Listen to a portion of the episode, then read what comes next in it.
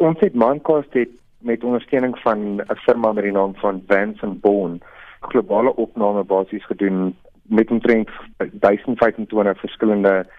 organisasies wêreldwyd om meer insig te kry oor weet hoe definieer hulle die kiberruimte en natuurlik die sekuriteit rondom dit. So veral die die opname wat gebaseer op vier komponente wat basies opname gedoen het rondom wat ons noem email based attacks, bewustheidsopleiding of wat ons noem uh, awareness training, natuurlik kiberkraak intelligensie, dit in terme van hoe gebruik hulle inligting en dan laastens rondom wat ons noem cyber resilient planning. So hoe om resilient te wees in 'n ekonomie of sê in 'n in 'n wêreld waar dit natuurlik elke persoon 'n dreiging kan wees of 'n bedreiging kan word in terme van uh, internetgebruik en e-pos gebruik. Wat het julle gevind in hierdie verslag van julle? So, um, grootendeels, mean, as jy kyk spesifiek in Suid-Afrika en, en natuurlik hierdie opname was gedoen vanaf uh, Desember 2018 tot met Februarie 2019, het ons gevind dat weet meer as 82% van die mense wat deel was van die opname het natuurlik wat ons noem impersonation attacks ondervind en tentatief natuurlik 'n uh, wil ek sê 'n victim daarvan was. 69% van hierdie attacks wat hulle ondervind in terme van impersonation attacks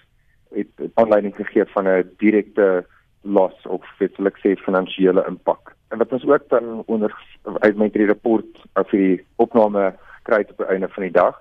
is dat weet normaalweg so 26% van hierdie mense wat hierdie hierdie impersonation attacks ondervind het, het 26% van hulle actual data verloor ook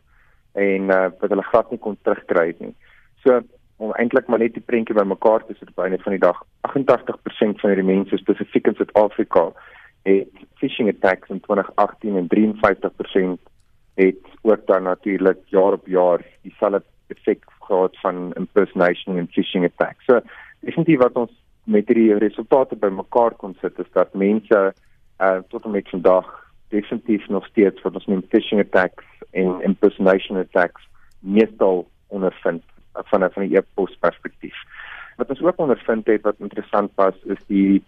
die cyber resilience beplanning en dit gaan alles oor hoe jy as 'n firma of as 'n gebruiker op 'n van die dag jouself gaan beskerm dat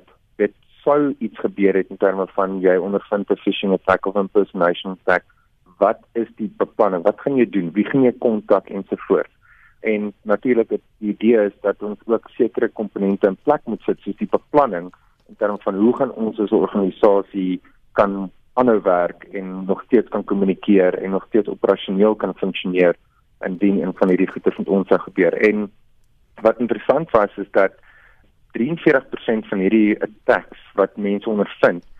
begin in die binnekant van 'n organisasie. So dit kom actually van buite af nie. Dit sê hier's 'n goeie voorbeeld waar 'n persoon 'n flash drive in 'n rekenaar indruk byvoorbeeld en daar is 'n vorm van virus of malware soos ons dit noem op en hy versprei hierdie netwerk en dan maak hy die netwerk oop na die buitekieberuimte toe. En dan ook weet 42% van die mense wat gesê het weet van die cyber resilience beplanning dit hulle voel nie comfortable daarmee nie het gesê dat hulle besigheid was fisies weet gedisrupt as gevolg van die ransomware attacks wat hulle ondervind. En dan laastens die 51% van die mense het gesê hulle ondervind negatiewe business impak as gevolg van hierdie email borne attacks ons het genoem so dat email borne attacks in ons wêreld is jou phishing attacks, impersonation attacks en jou ransomware attacks